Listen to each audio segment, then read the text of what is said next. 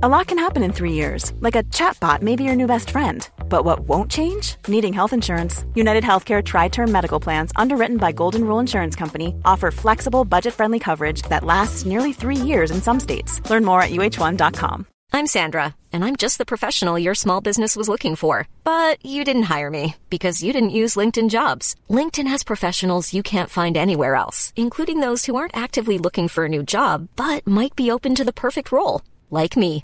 In a given month, over 70% of LinkedIn users don't visit other leading job sites. So if you're not looking on LinkedIn, you'll miss out on great candidates like Sandra. Start hiring professionals like a professional. Post your free job on linkedin.com slash spoken today.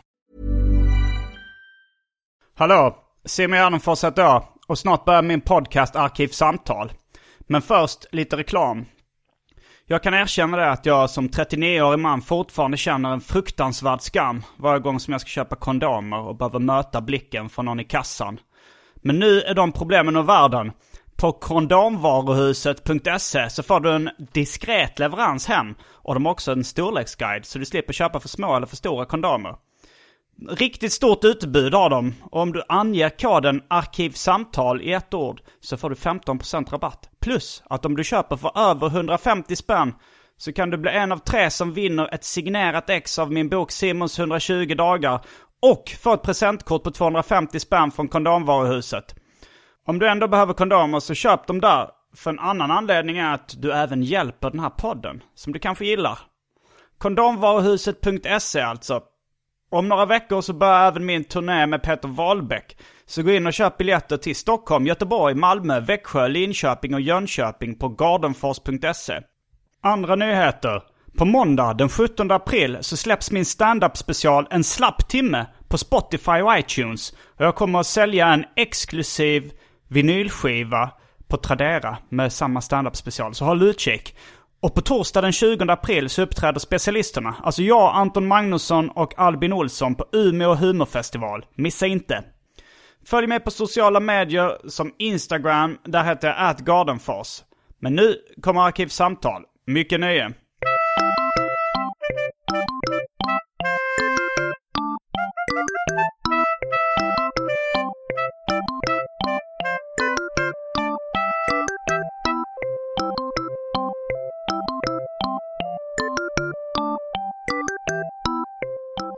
Hej och välkomna till Arkivsamtal.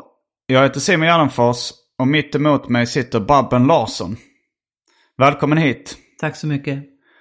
För uh, folk som är födda på 70 80-talet som jag och mina flesta av mina kompisar är så mm. behöver du ingen närmare presentation. Men uh, kanske för dagens 20-åringar. Jag vet inte, vet, vet de vilka du är? Jag tycker nog att de brukar veta det. Mm, ja, ja. Du, du, har varit med i tv och sådär på mm. sista tiden också. Ja. Men, eh, men om det är någon som inte vet vad, vem du är, vad, hur brukar du säga då? Um, ja, du brukar väl säga att jag är en skådis som blev komiker och, uh, och idag jobbar jag med massa olika saker men att komiken är själva grunden i allting jag gör nästan. Mm. Så jag är programledare och föreläsare, jag sjunger och uh, jag undervisar och coachar och allt möjligt. Men, men främst ser jag mig själv som komiker.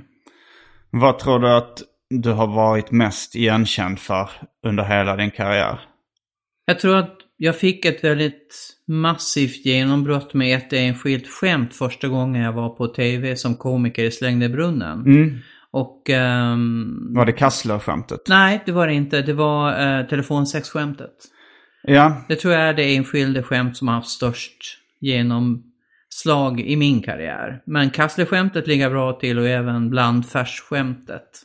blandfärsskämtet. Alltså, blandfärsskämtet? Ja, karlar som blandfärs. Hälften nöt, hälften svin. Jaha, är det du som ja, det är har jag. kommit på det? Ja. För det blev väl någon slags bumper sticker också? Eller ja, då, slags... det har blivit för kort och allt möjligt. Och man berättar aldrig vem det är som har gjort skämtet. Ah. Ja, så är det. Ja, och, Mm. ja, och ni får googla eh, Babben Larsson, Kassler-skämt och telefonsexskämt. Eller det finns säkert på YouTube eller någonting, jag vet inte. Ja, och jag tror även att jag har på min hemsida kan man leta reda på dem i skriftlig form. Mm. Om man är intresserad. Jag har en del av mina one-liners med där. Ja, det, det är kanske en grej. Jag är väldigt intresserad av one-liners. Mm. Och det, eh, vi kanske ska prata mer om det efter det omåttligt populära inslaget Välj drycken.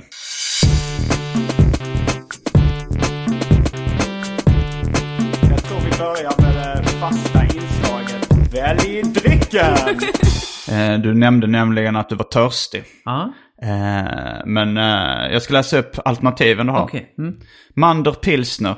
Red Bu- Bull i färgerna grön, gul, cola och sockerfri. Energy Drink Currywurst Style. Rapsgate IPA, Lakrits-IPA, Leninade läsk. En Rosita som är nio år gammal, oöppnad, som jag fått. Eh, nå- det var någon som skickade några japanska drycker, varav en hette Onikoroshi och en kunde jag inte uttala de japanska tecknen på. Jag kan inte säga, jag kan inte japanska. Nej. Sen har vi eh, häxblandningen och för tråkmånsar och nejsägare vatten. Mm. Eh, jag är en tråkmåns så jag tar vatten. Men är du en nejsägare? Eh, ibland. Ja, det blev Det var en kuggfråga. Ja. Ja. verkligen. Men jag tyckte jag klarade mig ur Ja, den. ja. Ja, ibland säger jag nej. Till alkohol säger jag för det mesta nej. Du gör det? Ja. Ja, och även till läsk och sånt. Mm. Ja. Men eh, då, eh, ja, då jag, eh, jag tar nog, det är svårt. Ah, Mm. Jag får ta en, en Mander Pilsner. Okej. Det får bli något av en balansöl eftersom jag drack igår. Återställa balansen. Okej. Då är vi strax tillbaks med dryckerna kända från det omåttligt populära inslaget Välj drycken.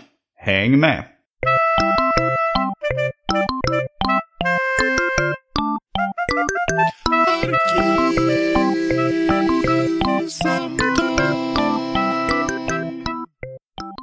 Då är vi tillbaks med dryckerna.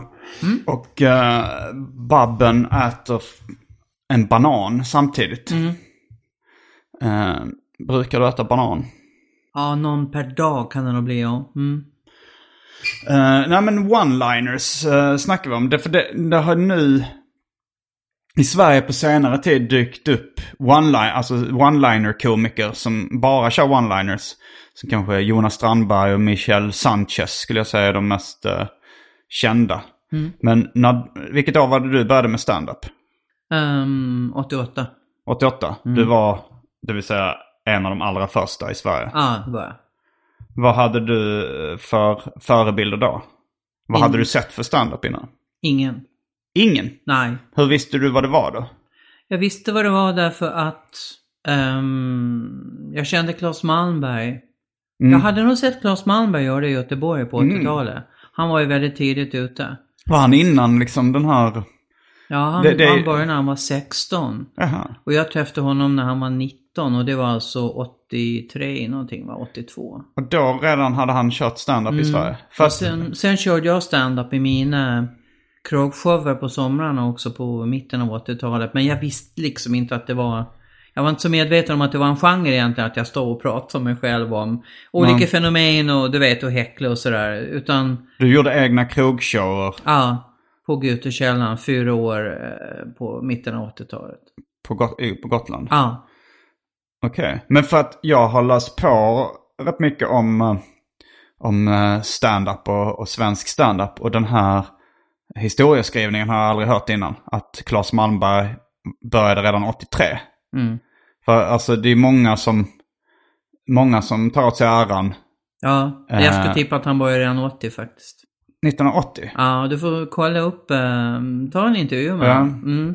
För han, eh, han hade enormt med funny bones och jag tror han hade på något vis koll på jag tror han gjorde kanske, om han gjorde den här föreställningen om Lenny Bruce eller att han kom i, kontakt med Lenny, kom i kontakt med Lenny Bruce material. Ja. Eh, och sen tog han det därifrån liksom. Men han körde Lenny Bruce-skämt, översatte eller?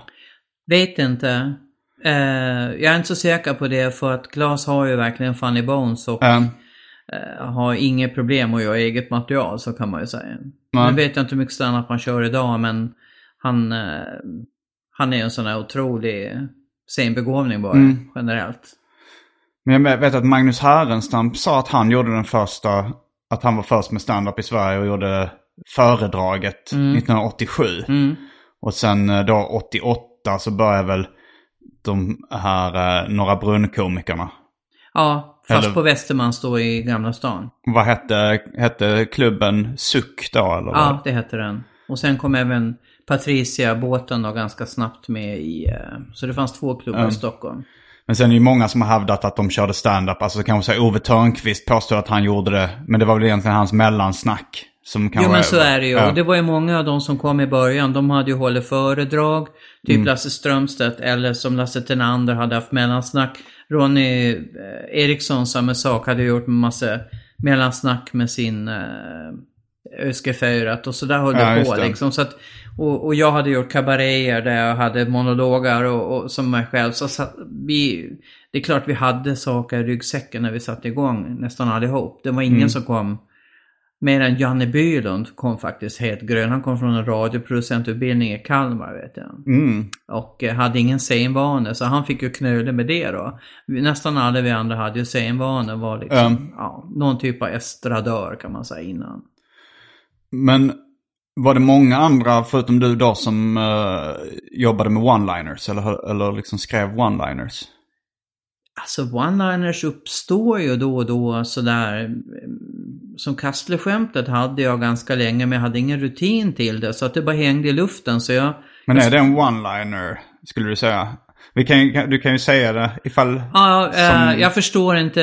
Eh, jag passar inte i nätstrumpa, så är det. Um, Det ser inte bra ut. Det, det ser ut som kassler. uh, Ja, och det själva skämtet hade jag nog något år innan jag fick ihop den här rutinen som handlar om när man har varit ute en lördagkväll och feste och så hamnar man någonstans där man verkligen inte hör hemma och har ett one night stand och nästa morgon står man, och det här hände ju mig på riktigt då i Göteborg när, i min ungdom. Och jag står liksom på Vissegränsplatsen och eh, är jävligt långt hemifrån. Och så går det förbi sådana här lite äldre damer på väg till kyrkan och så var de tittar på en uppifrån och ner och bara vet vad man har gjort liksom. ja, för det som de- kallas walk of shame. Ja, då. för de här kläderna som är så rätt en lördagkväll, Mm. de är så fel. en söndag förmiddag så beskriver jag just att jag har den här korta kjolen, en tunn blus Mm. och så har jag nätstrumpor och det är liksom, nej, inget bra.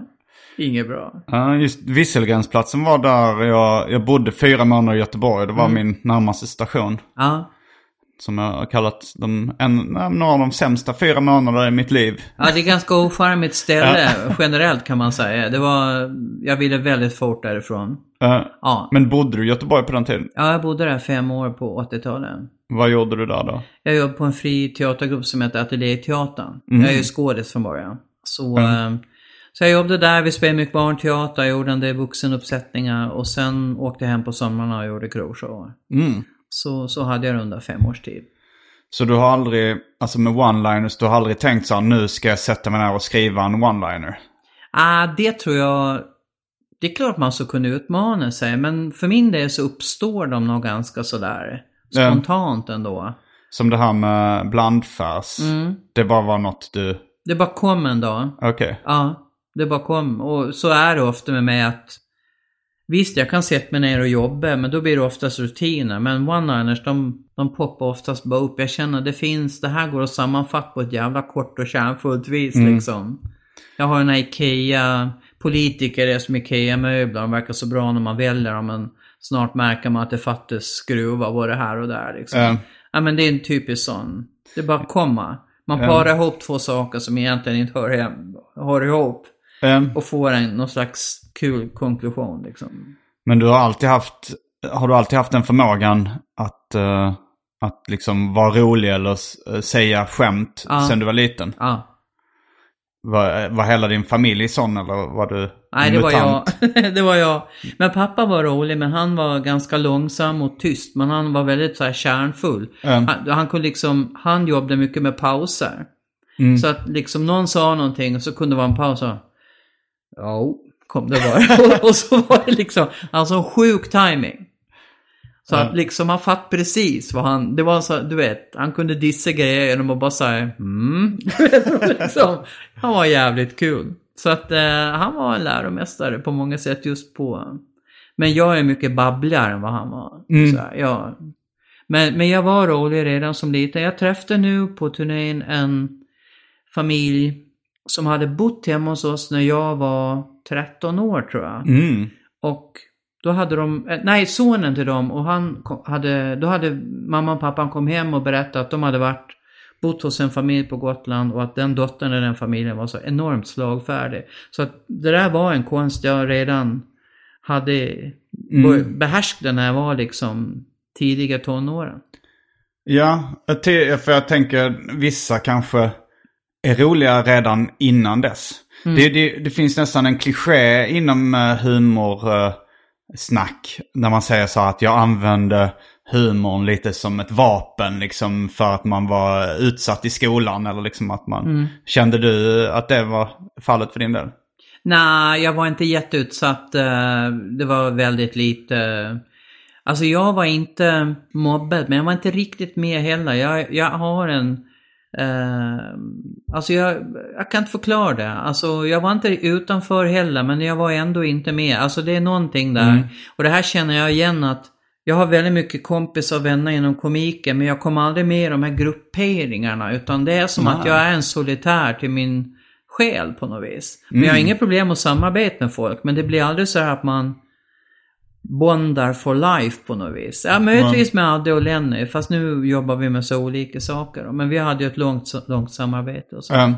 Men eh, nej, jag tror snarare att jag använder det här hemma för att eh, jag växte upp i ett hem med lite speciell stämning sådär och mitt jobb var att se till att min pappa i alla fall drog på munnen mm. en gång per dag. Så. För, för att det var lite deppig stämning i hemmet Nej, men han, de jobbade hårt, det var, mm. de var bönder, det var tufft liksom och det var ganska så här, tung energi. Men, så att jag tog på mig den här rollen av att det, mm. jag ser till att det är lite, lite glatt här vid måltiderna. ja, så. Jag vet inte riktigt om, om den klichén stämmer alltid att, att många använder liksom uh, humorn som ett vapen eller som en sköld eller som ett skydd. Ja men jag tror, man, jag tror väldigt många, alltså det svärd du slipar blir ju skarpt va. Det är mm. klart att det finns en anledning till varför du sätter igång och skämtar redan som liten. Mm. Ja. Fast jag tror det kan också vara, alltså funny bones, uh, som mm. man kallar det liksom medfödd humoristisk talang eller vad man mm. ska kalla det. Det kan också vara bara som någon som har perfekt gehör musikaliskt ja. eller en vacker sångröst. Att det är någonting som vissa har. Så är det, det är ett sinne. Mm. Så är det ju. Så att some guys mm. have it, others don't. Och du kan se, jag har ju undervisat del, så kan du säga att en del kommer aldrig att få det, men de kan jobba sig upp till en viss nivå. Mm. Andra har det klockrent, men de kan inte hantera sin karriär, de får inte ordning på sitt mm. material eller sig själva. Mm. Och eh, så några av de största talangerna som jag har sett på kurserna, de kommer aldrig att bli komiker. För att de, de är inte tillräckligt strukturerade. Nej. Nej, utan de, de flaxar ut i, i någon annan periferi och de klarar inte ut det bara. Och att, att jobba med det som yrke. De kan komma in och göra en begriplig ingång liksom och ha kontroll på sig själva. Mm. Man vet att här sitter den här komikern på världsmaterial liksom. Mm. Men nej, de, de, får inte ihop det. Ja, det är lite deppigt. Man... Ja, det är deppigt. Mm. Och i början la jag rätt mycket energi på att coacha de här, men till slut har det bara insett, nej, det, det går inte att coacha liksom. Det måste finnas någon typ av struktur också. Ja. Uh, för att man ska bli riktigt, riktigt bra. Det, det, tyvärr. Så ja, men så är det. Jag har nog också börjat, alltså så här, mer och mer i livet gett upp att försöka förändra andra människor. Mm. Att det är så, i stort sett helt omöjligt. Ja, för coacher kan man göra. Man kan ge liksom mm med material och allt sånt där. Men om den man coachar aldrig går in och gör det man har bestämt, då funkar det inte. Nej. Och därför att de inte kan. De får inte ihop det liksom. Då, då får man bara släppa. Mm. Och inse att det är som det är. Ja, så. Ja. Jag tänkte på det du nämnde att du inte kände att du var en del av gemenskapen och hade liksom, att, vara en, att du var en solitär. Mm. Har du levt uh, ditt privatliv stora delar ensam också eller är det? Nej men jag levde ensam ganska länge. Fram, jag hade lite något år hit och något år dit med någon pojkvän. Men sen jag mötte väl min man, då är jag väl 34 tror jag. 33, mm. 34. Men, men sen höll vi ihop i 17 år och... Eh, Ni fick barn också? Ja, fick ett barn. Och efter det har jag även haft ett annat längre förhållande på drygt sju år. Så att mm. det... Men, men jag tror aldrig mer att jag kommer att bli sambo. Det tror jag inte. Nej, Nej. inte igen. Nej. Gillade du att vara sambo när du var det? De här, var det 17 år då du var sambo? Ja, det var 17 år som vi bodde tillsammans. Jo, på sätt och vis uh, tyckte jag väl om det. Uh, jag var ju, vi var ju väldigt liksom kära och det var liksom väldigt, kändes väldigt rätt när vi flyttade ihop. Det var ingen tvekan alls liksom. Eh, men, men sen med, ju äldre man blir och det blir mer och mer man har sitt och allt det där. Alltså, Um, och sen märkte jag också att när vi separerade, då stod alla våra, till exempel, all musik som vi hade, vi hade rätt mycket skivor fortfarande, så CD-skivor och LP-skivor. Och alla böcker, vi hade hemskt mycket böcker. Men allting stod separat sorterat, liksom. Det hade aldrig blandats ihop nähä. under 17 års tid. Och, eh, och sen när jag fick nästa förhållande så började vi ganska snabbt inse att vi ska inte flytta ihop alls. Utan vi är så fruktansvärt olika hur vi vill ha det hemma och allt sånt där. Så att, Ja. eh, och just det här, ja men nu är jag 60, då kan man få ha sitt hem som man vill ha det tycker jag. Ja. Det, Jag har aldrig varit uh, sambo med någon jag varit tillsammans med. Alltså jag har bott ihop med kompisar eh, under eh, rätt korta perioder. Men jag är, inte, jag är inte speciellt sugen på att vara sambo heller. Men jag känner eh, hela tiden kanske liksom en press från samhället att det, det är så det ska gå till. Liksom, att man det ska är klart, bo om man ihop får barn och så, så är det ju rent praktiskt kanske Ja. enklare att bo ihop. Men så länge man inte har barn så förstår jag inte riktigt varför man prompt måste bo ihop om man har råd att bo separat. Men, Sen, eh, sen har jag bott i kollektiv, tycker jag också är ganska trevlig, när man, ja, framförallt när man är yngre. ja, Alltså att man kan bo ganska, ja men ganska fin lägenhet för att man delar på den och så delar man kök och har man liksom, att det funkar med allting med praktiskt och att folk diskar och allt sånt där ja, jag skit. tänker nog att det Mm. ganska lätt blir bråk. Alltså så att man bara störa sig på... Ja, ja, det är, men... nej, jag bodde i kollektiv fyra år bland annat nere i Göteborg och ja, det var en medlem där som inte riktigt skötte sig. Men eh, till slut så ställde jag in all disk i hans säng och när, han, när han kom hem med ett one night stand så stod all disk i hans säng och efter det tycker jag det blev bättre. ibland måste man få, man måste få konsekvenser ibland. När man inte följer reglerna. Jo men så var det för mig. När, enda gången jag liksom har bott lite i kollektiv det var då i den här eh, Wieselgrensplatsen Ja, i. Göteborg. Och, eh, och då så var det att jag flyttade. eh, Jag, det var en tjej som hade skrivit in sig själv på psyket. Lillhagen tror Ja, jag det hette. Lillhagen. Mm. Eh, och så, så sa då min kompis som bodde där, ja men du kan flytta in i hennes rum. För hon bara skrev, hon skrev in sig på psyket och har liksom inte betalt hyra. Så du får hennes rum. Och eh, så flyttade jag in där. Men sen kom hon tillbaks och ville ha tillbaks sitt rum. Ja. Och, eh, och jag tyckte väl lite synd om henne, så att hon hade psykiska problem och sådär. Så, men jag frågade, men var ska jag bo då? Och då så hade de en, en liten garderob. Där det fick plats med en säng. Men det var ändå så här, eh, lampan slocknade när man stängde dörren. Ja, då, ja okej. En sån. En sån, ja. Så, så ska jag bo här. För jag gick en sån AMS-kurs då. Eh, så jag skulle bara vara där i fyra månader. Vilket, vilket var, eller det kanske var tre månader kvar då eller någonting. Så, eh, så testade jag att ligga så här på den sängen. Tyckte jag, men den gjorde lite ont i ryggen. För det var liksom fjädringen var paj eller någonting. Så sa jag så här, ja men jag, om du, alltså så här, jag kan inte sova på den här sängen. Så sa hon så här, men jag ska fixa en madrass åt dig. Så sa jag okej då. Så flyttade jag in där.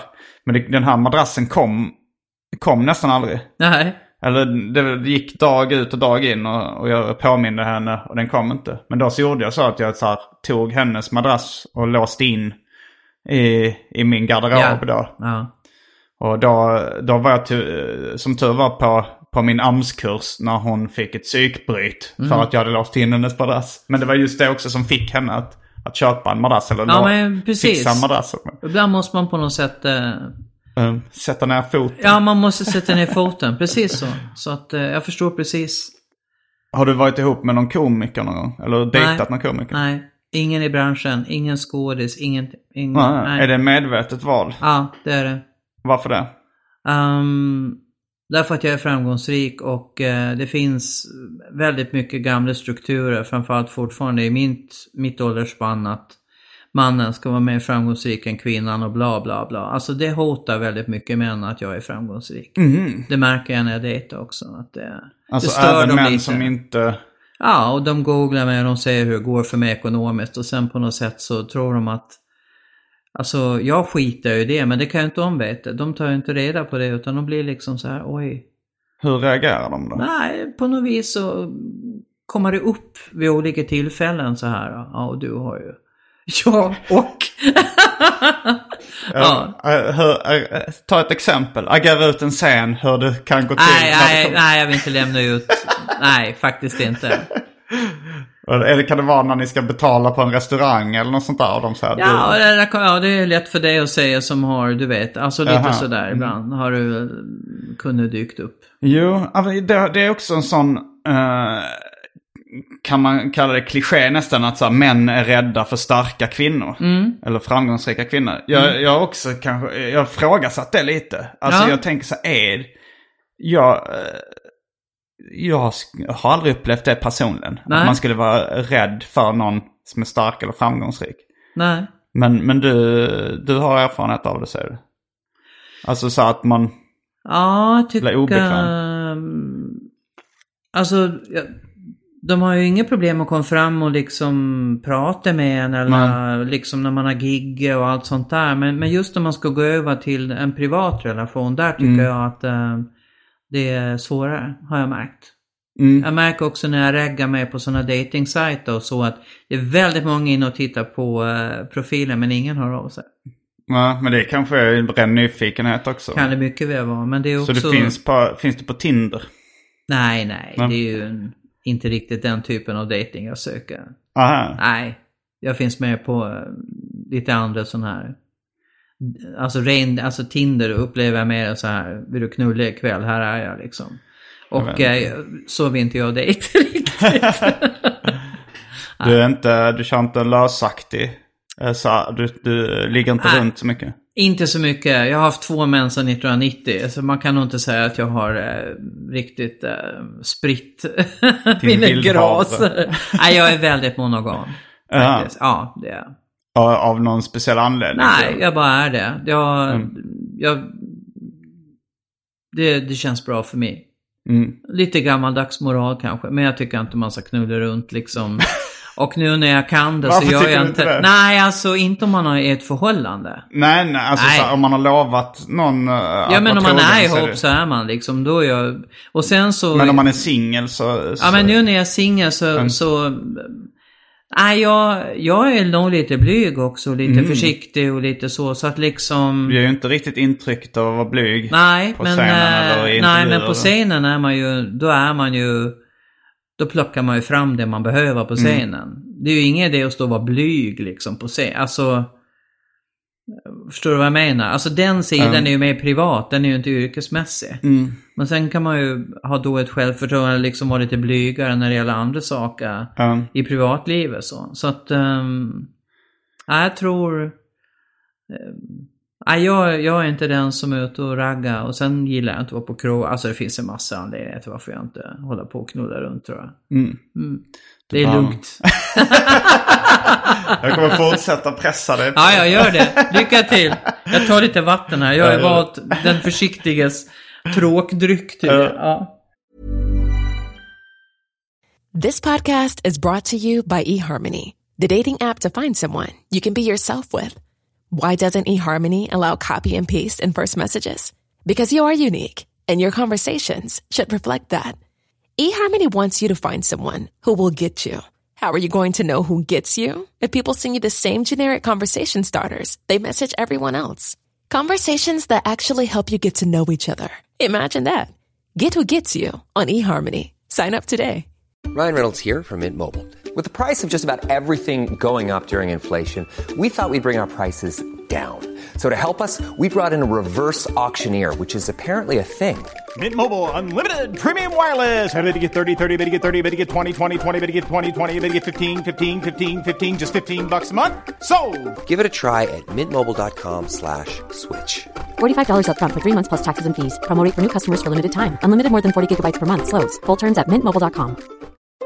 Since 2013, Bombas has donated over 100 million socks, underwear and t-shirts to those facing homelessness if we counted those on air, this ad would last over 1,157 days. But if we counted the time it takes to make a donation possible, it would take just a few clicks. Because every time you make a purchase, Bombas donates an item to someone who needs it. Go to bombas.com slash ACAST and use code ACAST for 20% off your first purchase. That's bombas.com slash ACAST, code ACAST. Jag har för mig du har pratat om det någon gång innan om att du inte dricker. Men eh, jag kommer inte riktigt ihåg vad det var, om det var någon speciell anledning. Alltså jag har väl haft perioder när jag dricker i livet sådär. eh, Mm. Men ehm, jag har också haft väldigt många långa perioder när jag inte har gjort det. Mm. Jag är inte totalt tårlagd. Jag dricker kanske något glas champagne per år. Men Mm. liksom det är... ehm, jag tog väl ett principbeslut när jag började med stand-up.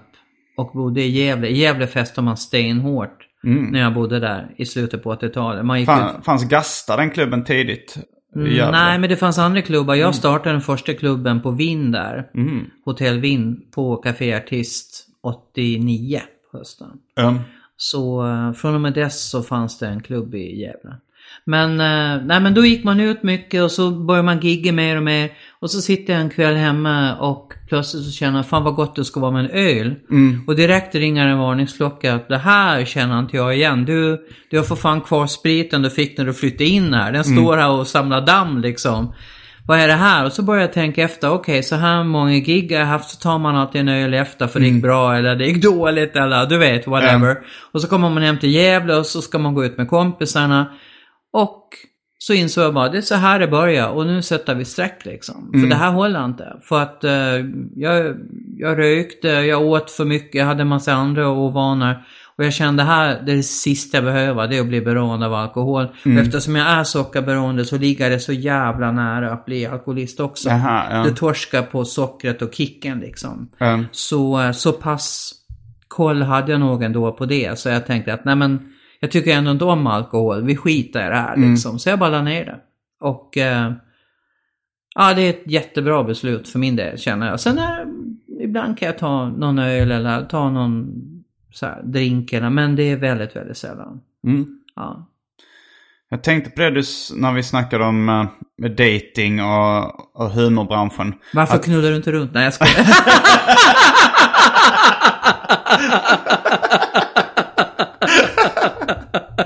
Får du den frågan ofta? Nej aldrig.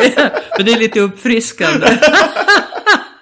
Det är bara i den här podden så kommer du få den. Ja, varför har du inte en kille i varje medelsvensk stad liksom? Jo, Vad är nej, det för för- fel på det? För jag, nej, men jag tänkte faktiskt på det för att för min del så är ju en, det är verkligen en del som har lockat mig med nöjesbranschen. eh, har ju varit att man liksom, uh, kanske inte bara knullar runt men att man blir, gör en mer attraktiv. Att det liksom, det är, om jag då liksom är liten och kanske inte snyggast i klassen. Så är det ju ett sätt att bli populär. Och, och, och speciellt då att få tjejer för min del. För Jag tror det är ganska många, speciellt kanske i eh, bland män i nöjesbranschen så är det en morot. Men det, har, det, har det någonsin varit en morot för dig? Nej. Inte, nej inte på det sättet nej. För, Alltså, för bekräftelse? bekräftelse, men, eh, men bekräftelse för det jag gör, inte för den jag är. Okej. Eh, men utan jag vill eh, ha bekräftelse från publiken såklart. Ja. Eh, respekt av mina kollegor. Mm. Känna att jag gör ett bra jobb så att jag är nöjd med mig själv. Men jag är inte i branschen för att knulla, nej. Nej det är jag inte. Nej, men, nej, Och sen det- tror jag, alltså jag har inte mycket för att dela upp i, i män och kvinnor. Nej. Jag tror det är lite skillnad ändå, framförallt Mm. för kvinnliga komiker. Vi har inte en svans av unga män som hänger efter oss och vill ligga med oss. Eh, på samma sätt som kanske killarna i branschen heller. har. Eller- Har du inte det? Vad fan, då är du i branschen helt i onödan. Jag har flickvän nu. Men, eh, Ah, eh, okej. men var du populär? hade, fick, hade du lätt att fixa killar som ung? Nej. Nej, inte alls. Mm. Jag var ganska bortkommen där tycker jag. Så att... Eh, nej, jag, jag, jag fixar inte det här spelet och flörten och allt det där. Det är inte alls min, min arena känner jag. Men, Utan eh, det, det är bättre då att, att, liksom, att man får ett erbjudande som får ta ställning till. Jag, jag är urdålig på att flörta och ragga, så är det bara. Hur träffade du eh, din första man till exempel? Eh, vi träffades på en charterresa. Aha. Och eh, vi åkte med samma plan och fick kontakt på planet och han var väldigt social och utåtriktad då liksom. Och, Han var Ole i Sällskapsresan. Ja, lite grann. Han var, han var med sitt gäng, du vet. Och de, de var sådär, du vet, det var de som köpte hattar och hade sådana parasoll och så. Han var himla gullig och jag blev lite kär. Och sen när han kom hem och Vilka- jag träffade vilket honom land var det? Vi var på Teneriffa. Ja. Sen när vi kom hem och han kom till Norra Brunn nykter och fick se liksom, då var han en ganska mysig, blyg kille och det var då, tror jag, föll. Mm. Men visste han, var du känd redan Nej. då när ni träffades? Den första stora artikeln om i, i DN kom precis efter vi hade träffats och sen Mm. kom Stängde brunnen halvår efter kanske, någonting sånt där. Mm. Det var ganska stort, va? släng dig i brunnen när det kom. Det var väldigt stort.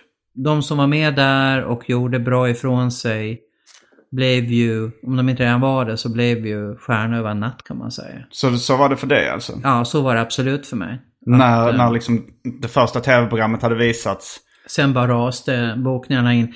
Innan dess så hade jag ju tagit rygg på Ulla Skog. För Ulla Skog blev stjärna med en gång och de skrev väldigt mycket om henne. Hon var bland de absolut första. Och hon fick så mycket förfrågningar så hon kunde ta alls alla som kom in till SUK då. Och då, eh, då sa han, men vi har en annan tjej här som inte är känd men hon, hon är också jävligt kul liksom. Så att hela första året försörjde jag mig på var inte Ulla Skog. och... Eh, Den fattiga mannens Ulla Skog. ja, precis. Så kan man säga. Ja, men det tycker jag är rätt intressant. eh, det här att slå, slå igenom över en natt. Mm. Eh, det är ju väldigt få det händer. Mm.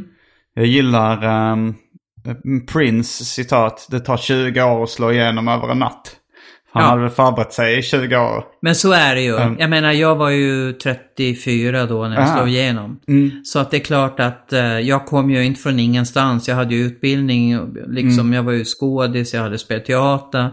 Jag hade gjort en eg egna shower, ganska många shower själv och Men hade du några skitjobb vid sidan om då? Alltså innan? Ja, i början hade jag en massa sånt där. Diskare, städare, sitta i växel, Mm. eh, slakteri, lite sånt där. Jobba på tidning, ja, allt möjligt. Jag, jag har aldrig varit rädd för att hugga i. Det är liksom, jag hade taxikort, eh, det tog jag när jag gick på scenskolan för jag insåg det här vet jag fan om man kan försörja sig liksom. Men jag har aldrig kört taxi, men jag, hade, jag tog själva kortet. Men eh, kände du dig lyckligare efter genombrottet än innan? Nej, det var ganska skrämmande. Jag, var, jag, hade, jag var, hade ju lite vanor för jag var ju väldigt etablerad på Gotland redan. Eftersom jag då... Ja, jag, jag, de- de började skriva direkt när jag kom in på scenskolan. Bara det var ju, jag var ju först efter Joris Pettersson liksom, som kom in i Stockholm överhuvudtaget. Och... ehm, Sa du, den första efter Hjördis Pettersson? Ja, jag låtsas lite som att jag kände igen namnet nu. Ja, Hjördis. Pettersson var ju en, en sån här primadonna som var med Karl Gerhard och killarna liksom. Hon, eh, hon gick ju scenskolan någon gång på, ah shit, 30-talet kanske. Och eh, var en uppburen primadonna i massvis med revyer och, och privatteater här. Un, under hela 1900-talet nästan. Innan hon gick bort här nu på 90-talet någon gång tror jag. Eller möjligtvis början på 2000-talet. Men hon var ju eh, en riktig sån här, och med mycket filmer och... Var det inte hon som spelade... Jag tror hon spelade Selma i Lilla Fridolf faktiskt. Filmerna, de här gamla. Hon spe, fick spela sådana huskors som var så rekorderligt fruntimmer liksom. Ehm, Så du kom in, vad sa du att du kom in Alltså, jag säger att det hade gått liksom 40 år sedan hon kom in ungefär. Du vet, det var sådär Mm. helt sensationellt. Och ehm, så att jag var omskriven på Gotland redan och så kom jag hem och jobbade några år och var med om att starta upp en fri grupp där som idag Mm. då har gått hela vägen till Länsteatern. Så att jag var med och startade upp den grejen och det skrevs och så kom jag hem igen och gjorde de här krogshowarna. Så att Mm. jag var ständigt lite top of mind på Gotland så att folk kände igen mig. Men när det blev helt Sverige, det var ganska skrämmande faktiskt. Att första gången jag kom ut efter att det här slängde brunnen hade gått med det här Mm. eh, telefonsexskämtet och folk bara komma fram och bara skratta och ta tag i en och du vet och Mm. liksom hela det här. Och jag bara kände, jag måste härifrån. Jag är ju en ganska introvert person. Det här, alltså absolut, det är klart jag vill att publiken ska gilla det jag gör. Men det här, det var, det det var i början var det skrämmande. Jag bara, jag måste, jag måste fly. Jag måste, jag måste dra. Och så började jag fundera på vart ska jag resa och så insåg jag det finns svenskar överallt. Det här är där. Ja, du hade ju kunnat åka till Mongoliet eller liksom. Absolut. Men, eh, men det kändes verkligen som this cannot be reversed. Du måste bara vänja dig Mm. och du måste liksom acceptera det. Och jag menar, jag kan säga 100% av alla som kommer fram på gatan är ju trevliga. 100%. Mm. Det, är de otrevliga så är de det bakom datorskärmen möjligtvis. Men, Mm. men liksom de som kommer fram på gatan, de är bara Fan jag gillar det, jag har alltid, min mamma tycker om det. Här kan jag få en autograf, kan jag få en selfie, du vet alltså. Vad fan ska jag gnälla över? Det finns ingenting att gnälla över. Nej, det Och orkar jag inte med det, då får jag väl liksom vara hemma. Eller ta en taxi direkt dit jag ska och så skit i att träffa någon liksom. Om jag har en dålig dag liksom. Ja, ja. Du har ju varit eh, i nöjesbranschen nu extremt länge. Mm. Hur många år är du uppe i? Jag vet inte riktigt när man ska räkna ifrån. Jag gick ut scenskolan 80. Ja. Och jag har ju jobbat parallellt med underhållning nästan hela vägen. Gjort mycket kabaréer, shower. Eh, Jag, Mm, jag så drogs, väl- redan på scenskolan drogs jag till underhållningen och fick ganska mycket kritik för att jag inte var tillräckligt seriös när jag gick. Mm. Ja. För att jag känner nog att det var där, jag brinner för underhållning. Det är bara så. Ja. Jag brinner, jag kan aldrig... Alltså de flesta på, på scenskolan, de, de älskar teater så här. De andas, de, de lever och dör teater. Jag känner, nej. Ja, den där kärleken har inte jag till teatern. Har du spelat någon seriös eh, dramaroll? Ja, jag spelar ganska mycket seriös teater. Så att, Eller film? Ja, film, jag inte Jag film tänkte så mycket. någonting jag skulle kunna ha sett. Eh, Jag Nattbuss kollar inte så 807. är, du med? Ja, men, är du med i Nattbuss 807? Jajamän! Jag spelar en, en berusad kvinna där som stannar bussen och, och hoppar av. Hon försöker först att få eld, hon, hon vill röka. Ja. Ganska full dam. Ja. Lite jobbig så. Ja, det, det är många som har sett det. Verkar vara en sån här kultrulle. Ja, det är den. Den är ju eh, så, så, så dålig så att den Ja, blir bra. ja, precis. Liksom. Men eh, annars så har det bara varit eh, så här små insatser i filmer. Så här. Mm. Den första filmen jag var med, då var jag med i den här Barnens ö som Kai Pollak gjorde. Som Mm. Ja. är väldigt omskriven. Ja, där eh, man får se en barnkuk. Ja, vilket är rätt chockande. Oj, ja. Minns du inte det? Eh, nej, det var nog inte så chockande då. Så Nej, att, det är det som är det roliga. Alltså, det, det, det är ju Ja, då men det är han, väl när han står och tittar va? han, Om ja, han har fått får något hår ännu. Ja, eller jag, jag Just tror det, han han har stånd också. Och då, jag vet inte hur gammal den skådisen är, men han är väl kanske 11-12. Mm. Och så är det en sån här scen där det för mig kröp det ganska mycket i kroppen. När de filmar upp och ner på den här Mm. barnkuken. Det, jag kommer ihåg min kompis i så filmen, han sa det här var det äckligaste jag sett i hela Ah, mitt liv. Ja, ja, det förstår jag. Nej, jag tänkte nog inte så mycket på det. Det hade, ja men det, det väl också kanske en sån här könsrollsgrej att hade det varit en barnfitta så hade Mm. det nog varit lite mer skandal. När de filmar upp och ner på den. Fast nu när du säger det så tycker jag det, är, det låter inte som något bra val. Men det var ju fortfarande, alltså den gjordes ju, vad var det, 79 tror jag vi filmade. Det var ju väldigt liberalt ett tag Ja. alltså. Så att eh, den är ju en film av sin tid också på något vis. Jo absolut. Ja. Ja, ja, men det har varit bra med i bra filmer. Men visst, jag har varit med länge i underhållningsbranschen, men det är svårt att säga något exakt datum. Men säg, första krogshowen då, den hade premiär 83. Så sen dess kan man ju säga att jag har varit Ja. i nöjesbranschen. 35 år ungefär. Mm. Eh, hur, alltså på ett sätt så känner, redan nu så kan jag känna liksom att det dyker upp YouTube-humor liksom med barn och ungdomar som inte jag förstår. Mm. Alltså jag förstår inte riktigt vad, vad är det som är roligt med det här. Mm. Men har du känt så med humorn att den har förändrats under din tid och att du, eh, eller förstår du eh, all humor som har kommit? Nej, det gör jag inte. Och det, det ska jag nog inte göra heller. För att all humor som kommer ny är ju en reaktion på humor som redan finns. Så den ska ju bana nya vägar och det, det där sker ganska organiskt och det behöver man inte hålla på och försöka bromsa utan det är ju bara bra. Men det finns absolut humor som jag inte alls kläcker. Och den, det, ett har det ju finns det här att man ska vara så dålig så att det blir pinsamt och då skrattar folk. Och den humorn förstår inte jag. Varför det ska bli pinsamt och så ska man Har skratta. du något exempel? Nej, jag vill inte hänga ut någon. Men det finns, finns ett gäng faktiskt som jobbar med den här typen av att man, man säger jättekonstiga saker och så till slut. Och Är så det inom man, stand-up du tänker? Ja, eller? och sen är man tyst en stund och sen till slut blir folk så här, så här. Och där är inte jag med riktigt. Va? Nej, jag tycker... Jag förstår inte Mm. varför. Men om den humorn har sin publik, då får den finnas. Fine. Alltså, jag lägger mig inte i det. Men det är, jag, jag, eh, det är ingenting jag söker upp själv. Men- Och tänka att fan, nu måste jag sätta på det. Den här pinsamma komikern som inte sätter ett enda skämt och som aldrig bara skrattar nervöst åt. Nej, nej, jag känner ingen sån lockelse alls. Eh, ansågs du vara liksom grov och vulgär när du slog igenom, när du kom? Ah, ganska grov och frispråkig tror jag nog. Lite brysk också. Lite så här lantligt brysk på något Ja. vis. Ehm, men eh, vulgär, det är klart att det finns alltid folk som tycker man är vulgär så fort man gör sexskämt till exempel. Ja. Behöver inte vara alls speciellt avancerat så, så är det ju alltid några lite begotte personer som, som eh, slår bakut. Eh, Var lägger du din egen gräns då? Så finns det humor du tycker är för eh, stötande eller liksom för grov? Ehm, ja, det är klart om det blir rent liksom, vad ska man säga, förtryckande humor där man slår fast fördomar och gör dem värre. Ja, då är det ju roligt. Där, ja, det kan man ju tycka. Men samtidigt kan jag ju tycka att är det det vi ska ha humorn till? Men återigen, om den har en publik och det finns liksom en marknad, vad fan, vem är jag att säga att den inte är bra liksom? Då, då finns det ju ett behov.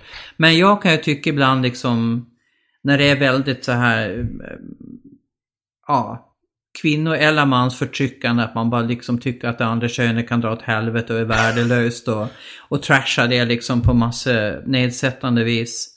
Även dvärghumor tycker jag är fullkomligt meningslös. Jag vet inte ens varför den finns. Det är jättemånga som står och drar dvärgskämt. Jag förstår inte vad de har för relation till dvärgar. Jag förstår inte varför de... Varför... Alltså, det... På, mi- det jag tycker det är en slags intern humor inom humorbranschen att man drar dvärgskämt. Jag tycker det, det enda konstiga med det är ju att, Uh, att det fortfarande anses vara... Alltså jag kan absolut gilla grov humor och kanske, alltså även när man rackar ner på minoriteter eller så. Men, men då, jag tycker det är så inkonsekvent att dvärgskämt är mer okej än att racka ner på andra utsatta grupper Nej, eller andra ja. minoriteter. Jag vet inte varför det har blivit så. Nej, det har inte heller Det är som förstått. att de, det är något frikort på att racka Ja. ner på småväxter liksom. Jag blir sådär, varför? Nej.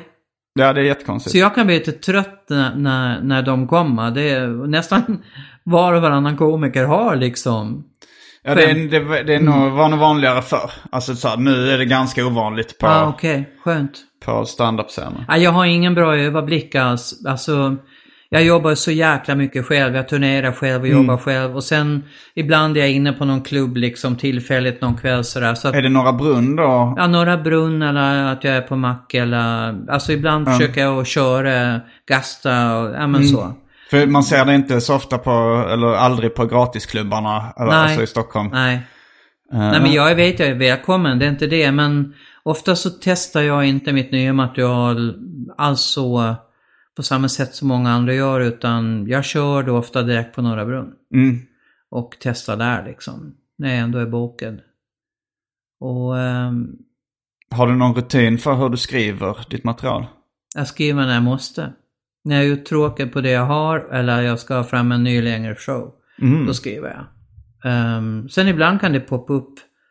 Alltså jag tycker skrivandet går väldigt mycket skov för min del och det jag gör är väl egentligen att jag säger till hjärnan att nu håller vi utkik.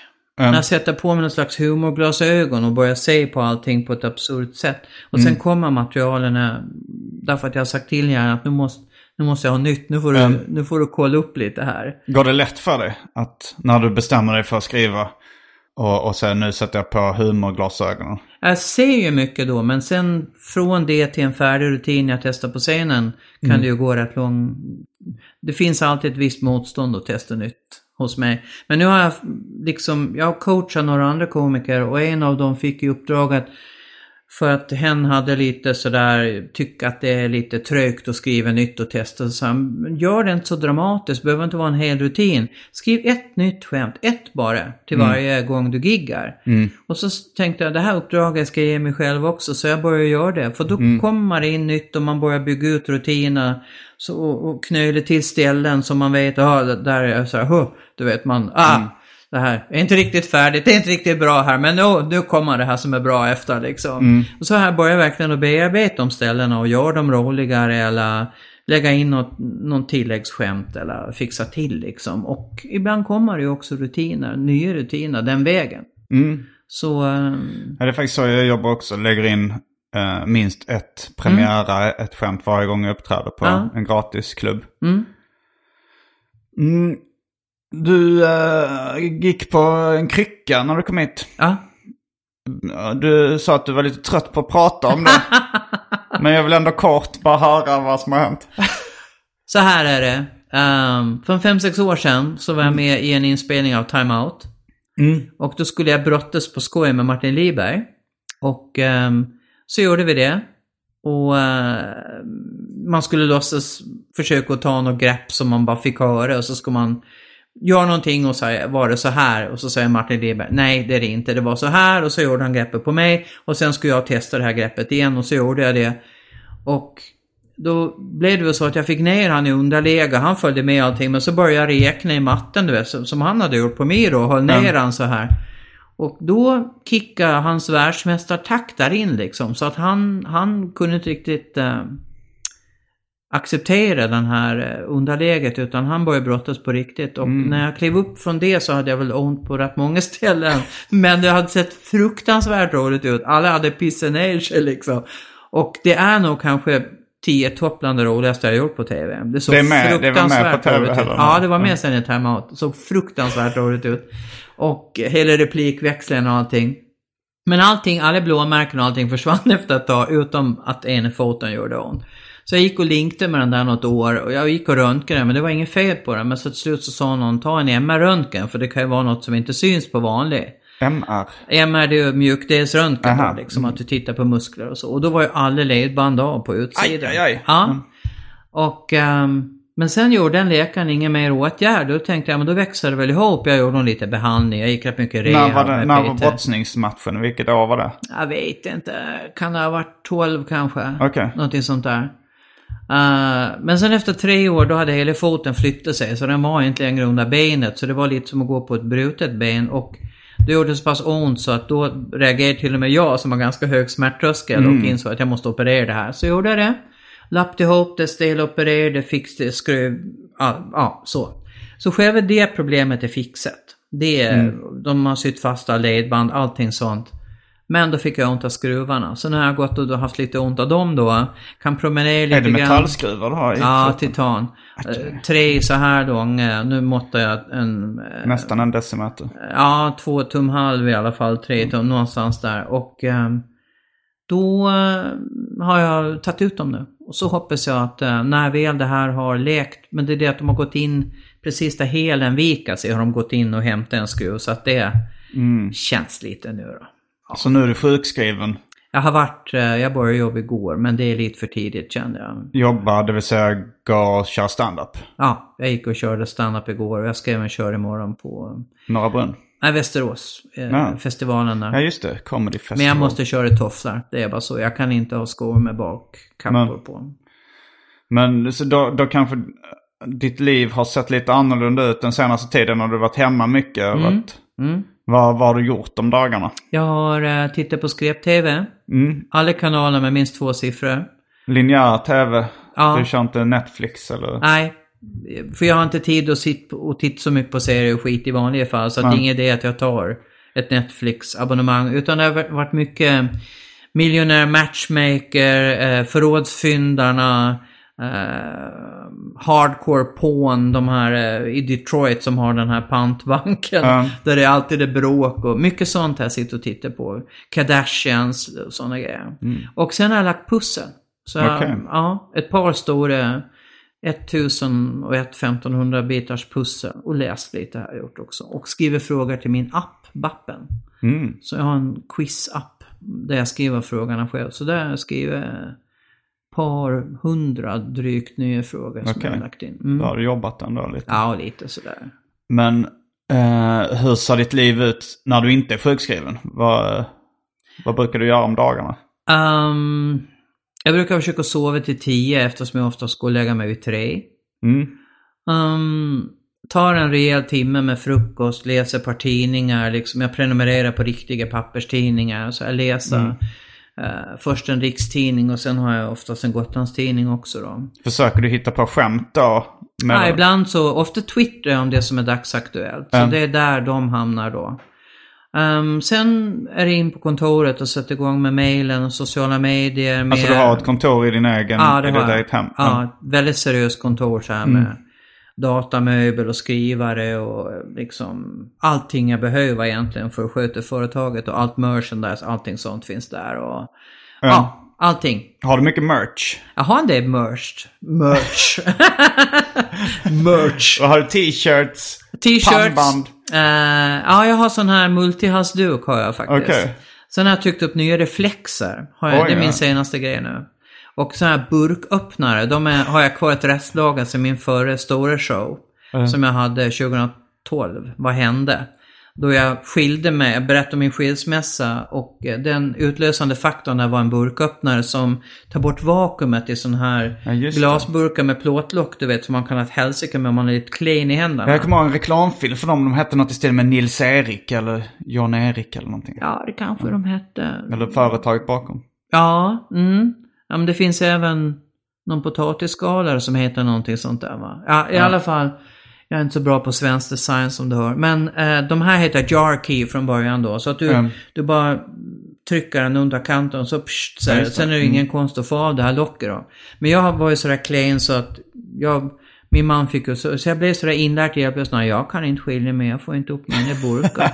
du vet, nej det här kommer inte att gå. Och så hittade jag det där när jag var på turné i Helsingfors, inne på Mm. mm. Stockmans varuhus där. Ja, nej, nu har jag ingen ursäkt.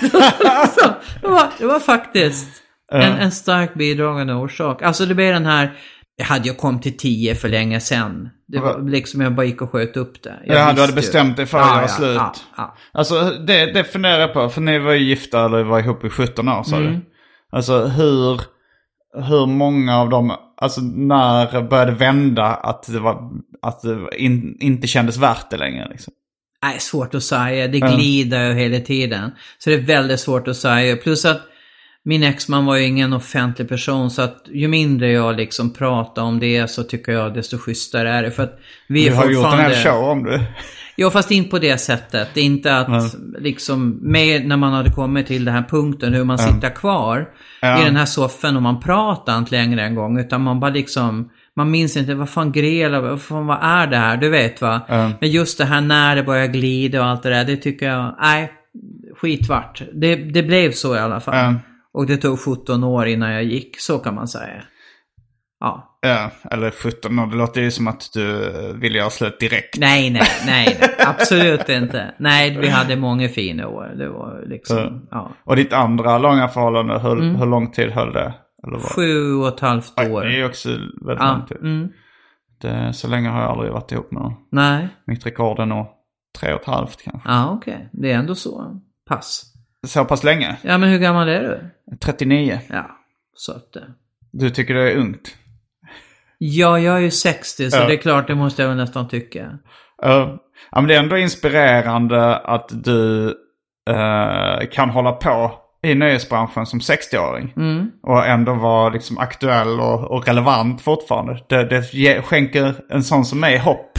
Att man kan liksom, att man kan fortsätta så pass länge. Och, och, och va- det verkar ju vara, jag får intrycket av att du har roligt fortfarande också. Ja, det har jag. Annars skulle jag inte hållit på. Men, Alltså, om jag inte har kul, då bränner jag ut mig på nolltid. Det går inte. Jag... eh, jag hela kroppen reagerar om inte jag har energi. Det är liksom... Den resan gjorde jag för 20 år sedan.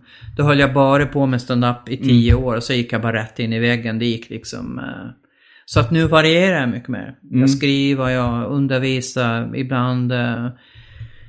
Jag föreläser ganska mycket, jag sjunger jazz, jag, jag breddar, jag regisserar, du vet. Det är Mm. liksom, det är bra för mig att ha det här blandbruket så att det kommer in ny energi från all möjliga håll liksom. För att eh, det här bara ju är en sak, det var ju därför jag lämnade teatern också. Jag, jag blir uttråkad alltså. Mm. Fastän det är ett kreativt jobb, till och med stand-up som är så jädra kreativt, Mm. blir jag uttråkad om jag bara gör det. Så att ehm, jag jag vet inte, jag är inte skapt för att liksom förvalta. Jag är en entreprenör på något sätt. Mm. Som personlighetstyp kan man säga. Att jag hittar på nya projekt. Om ingen annan hittar på dem så hittar jag på dem själv. Ja. Och jag, jag knäppar, jag menar den här jätteturnén jag är ute på nu. Vad, vad är det för en idiot som har hittat på den? Ja, det är ju jag själv såklart. 100 gig, besöker alla landskap och fyra nya ställen i varje landskap jag aldrig har giggat på tidigare. Och det är ju liksom, då är det ju Folkets hus, bygdegårdar, UGT, NTO-lokaler liksom. Det är den typen. Och det är ju ett helt annat sätt än att du bara glassar in på ett konserthus du vet och allting är uppduket och... Ja. Men det är ju samtidigt sjukt mycket roligare Mm. och mycket personligare och närmare och på alla vis liksom. Så jag tror både jag och publiken verkligen tycker det här är en riktigt bra idé. Men Kommer det mycket folk på grejen? Ja, det gör det. Det, ja, men det måste också kännas rätt bra att ja, men kunna ha en sån lång karriär och ändå kunna dra mycket folk. Mm. Ja. Var- Mm. Kollar du mycket på eh, stand-up i övrigt? Alltså, Nej. du har, har du aldrig varit ett stand-up-fan? Alltså jag gillar stand-up ehm, men det jag ser är ju oftast de som, som jag jobbar ihop med Mm. för kvällen så jag är ingen youtubare alls. Nej. Och det är också mycket för att jag är hemskt lätt på verket så att börjar titta för mycket på vad andra gör då börjar Mm. jag härma.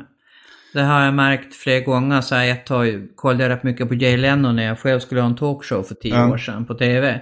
Och plötsligt började jag stå och nicka så här med haken och göra massa grejer. Som jag hade bara plockat upp direkt av han bara för att jag tittade så mycket på han. Ja. Så jag ska inte... När jag hade sett 90-tal med Schyffert Precis innan sommaren eh, såg jag den. Sen gick jag hela sommaren och hade hans röst i huvudet, skrev material åt han istället för åt mig själv. Så att jag är, jag är sjukt lätt på verket. Och eh, därför så är det bättre att jag håller mig för mig själv eh, och komma på mina egna grejer och, och liksom inte titta för mycket på andra. För att det är inte där jag får min inspiration heller riktigt. Ja. Men sen ibland kan man säga sådana shower som jag såg den här Blue Color Tour eller vad han hette. Alltså de här fyra killarna som, som körde Larry lite redneck. Guy. Ja, ja. Alltså, och den bara kom på tv någon natt Mm. när jag, jag inte kunde sova sådär. Och alltså jag skrattade. Det var så sjukt liksom. Och de kan man väl säga också slå fast fördomar och hade massor sånt för sig som jag egentligen då. Men alltså de gjorde så jävla begåvat. De var otroligt charmiga och liksom, och några av de grejerna de drog där, jag hade inte skrattat så mycket på flera år åt stand-up. Det var bara jävligt, jävligt kul. Så, ehm, men, men som sagt var, jag, ehm, för att vara i en genre så tittar jag nog väldigt lite på andra. Det är ganska många eh, som säger likadant i, i din generation. Skulle Är jag säga. det? Ja. att, eh, av samma anledning också, att många säger att de blir för eh, påverkade. Ja. Eh, eller liksom inte vill sno skämt. Eller, eh, Nej, nej, min- det vill man ju inte. Nej. omedvetet. Men, har, men du har inte haft några så här eh, amerikanska eller eh, brittiska eller liksom förebilder från några andra länder under din karriär? Jo, alltså när man väl har tittat på stand-up så, så kan man väl, alltså jag tror Bette Midler shower gick ju på um, 80-talet var det väl, på TV. Var det, stand, var det renodlad Alltså, stand-up? nej, det var det inte, men hon hade ju stand-up-inslag och bara det att det står en kvinna där och var ganska frispråkig och, och braste på liksom Ja. och, och tog plats som fan liksom. Det var ju väldigt uppmuntrande för mig som inte alls kom från den här miljön. Sen Robin Williams såklart. Robin Williams var ju helt fantastisk. Eh, som alltså hastigheten med imitationerna, med, med hela hans batteri av grejer som han kunde dra ur hatten och använda liksom. Så att hans frenesi, hans spelglädje och sen kanske också paret med Ed Izzards liksom fantastiska smartness och hur man kan presentera svåra saker på ett enkelt och lekfullt sätt och, och bara liksom och bara gå runt och vara jävligt avspänd och skön på scenen liksom. I kombination med eh, till exempel en arbetshäst som Lenny som alltid, alltid levererar. Alltid. Du tänker på Lenny Bruce eller Lenny, Lenny Norman? Norman. Som alltid går ut och liksom klarar av de här svåraste firmagiggen. Inget problem liksom. Det, sånt kan jag beundra som fasen. Han bara går in och gör jobbet varje gång. Och eh, ja, och, och bara liksom lyckas fixa det liksom. Och, eh, och så, men nu kommer det också massa liksom det poppar upp så mycket och man blir inspirerad när man ser också, ja men som Carl Stanley som kommer från ingenstans och liksom börjar göra Mm, Bra- var gäst i förra avsnittet. Gör bra stand-up, gör kul grejer på YouTube liksom. Det, alltså, och även, ja men Sven Melander börjar ta en massa politiska liksom strider med, sin, med sina pratare och sin YouTube liksom. Ja, jag tycker det är, eh, det, det är friskt klimat just nu. Det sprudlar verkligen. Folk, eh, Clara Henry tycker jag mycket om också, det lilla jag tittar på henne och just det här att alla kommer från olika håll och, och, och når ut på, på, det finns ju så många sätt att nå ut idag. Ja. Du som har varit med under hela liksom stand-up eh, åren i Sverige, alla Mm. stand-up-åren i Sverige.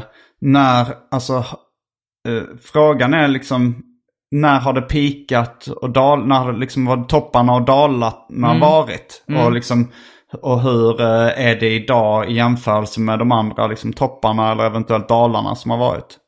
Ja, jag har en översikt över 90-talen då tycker jag. När vi drog igång var det en väldig pionjäranda såklart. Slutet av 80-talet? Ja, Mm. och ganska snabbt eh, så fort slängde i brunnen började gå på TV, då poppade upp klubbar i varenda svensk stad nästan. Men finns, fanns det fler klubbar då än du skulle säga för det är idag?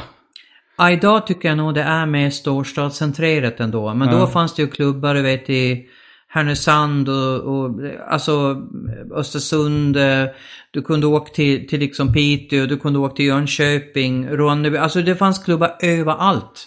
Ja. Eh, som, där, som krogarna startade själva och via Mm.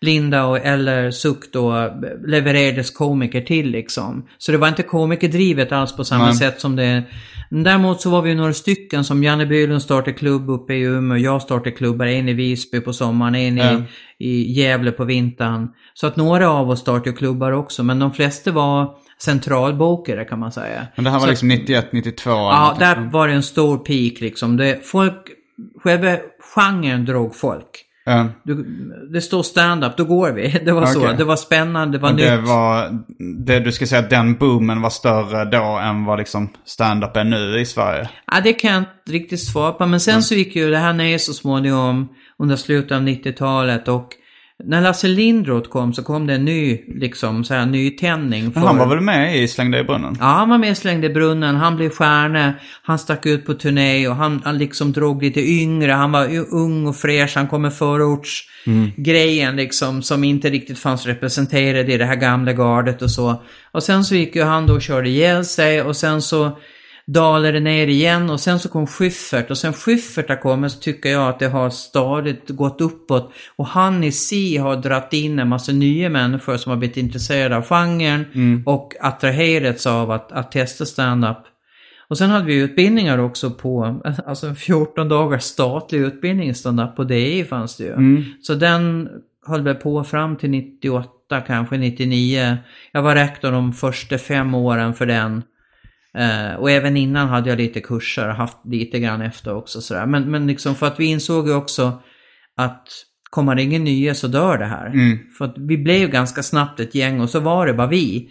Men så att det gällde ju så att väldigt många av de som är stjärnor idag, så här Möller, Järvheden, Ann Westin, Skäringer, Mirakel Molin, de har ju gått de här kurserna i mitten på 90-talet och liksom kom in lite, även om det var 14 dagar så.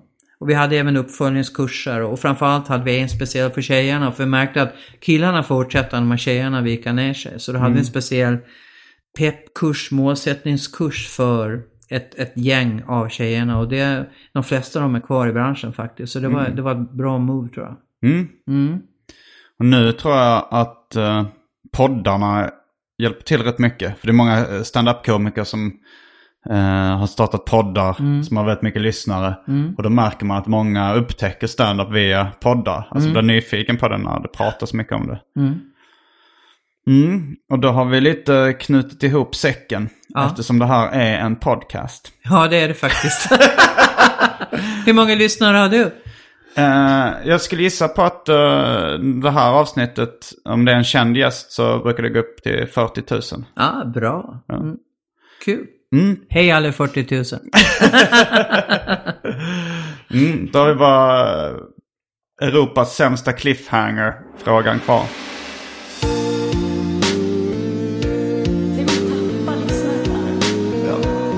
Europas sämsta cliffhanger. Varför knullar du inte runt? Du, nu när du säger det sådär så tänker jag, jag tror jag ska börja med det faktiskt. Ja. Ja. Så eh, se upp nu, jag kommer till Västerbotten och Norrbotten här nu eh, i slutet av maj, början på, i slutet av april, början på, på maj där. Så att eh, rad upp er så kommer jag. Ja, det var lite en plot twist här i slutet. Tack så mycket för att du ville vara med i podden. Tack själv. Jag Tack. heter Simon Gärdenfors. Jag heter Babben Larsson. Fullbordat samtal.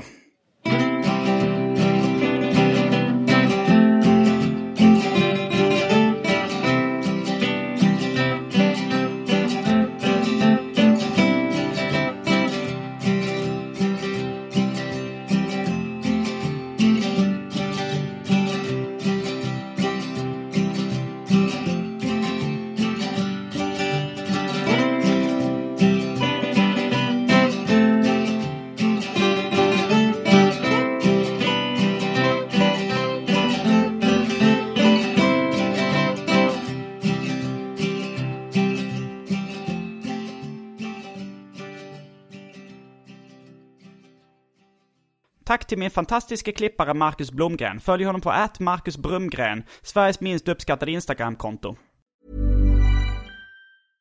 Imagine the softest sheets you've ever felt. Now imagine them getting even softer over time. That's what you'll feel with Bowl and Branch's organic cotton sheets. In a recent customer survey, 96% replied that Bowl and Branch sheets get softer with every wash. Start getting your best night's sleep in these sheets that get softer and softer for years to come. Try their sheets with a 30-night guarantee. Plus, get 15% off your first order at bowlandbranch.com. Code BUTTERY. Exclusions apply. See site for details. ACAST powers the world's best podcasts. Here's a show that we recommend. The Real Housewives is a guilty pleasure for most, but if you're looking to not feel guilty about that pleasure, tune in to Everything Iconic with me, Danny Pellegrino, where I break down all the messy moments and behind the scenes antics of Bravo's popular franchise. And on Everything Iconic, I also interview celebrity guests like Kelly Ripa, Kiki Palmer, Drew Barrymore, Cameron Diaz, and more about their guilty pleasures, their past work, and so much more. So if you're pop culture obsessed and find yourself watching way too much reality TV like me, tune in to Everything Iconic with Danny Pellegrino wherever you listen to podcasts. ACAST helps creators launch, grow, and monetize their podcasts everywhere. ACAST.com.